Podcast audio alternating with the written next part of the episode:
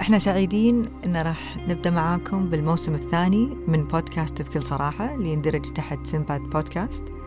الحمد لله التجربة الأولى آه، من البودكاست كانت جدا جدا ناجحة وإيجابية وهذا الكلام آه، من الفيدباك وردة الفعل من الناس اللي يتني بش كثر شافوا إن هذا البودكاست كان مميز لأنه هو أول بودكاست يعتبر كويتي آه، ومحلي يتكلم بكل صراحة عن تجربة الناس اللي عانوها مع المرض النفسي.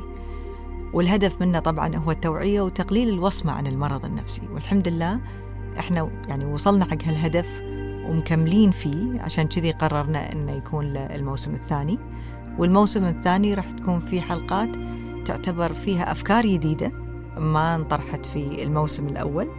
راح نقابل مختصين راح نقابل مرضى راح نقابل أهالي مرضى. عشان نجيب التجربة من كذا ناحية. أتمنى تكونون معانا بالموسم الثاني وكالعادة بكل صراحة.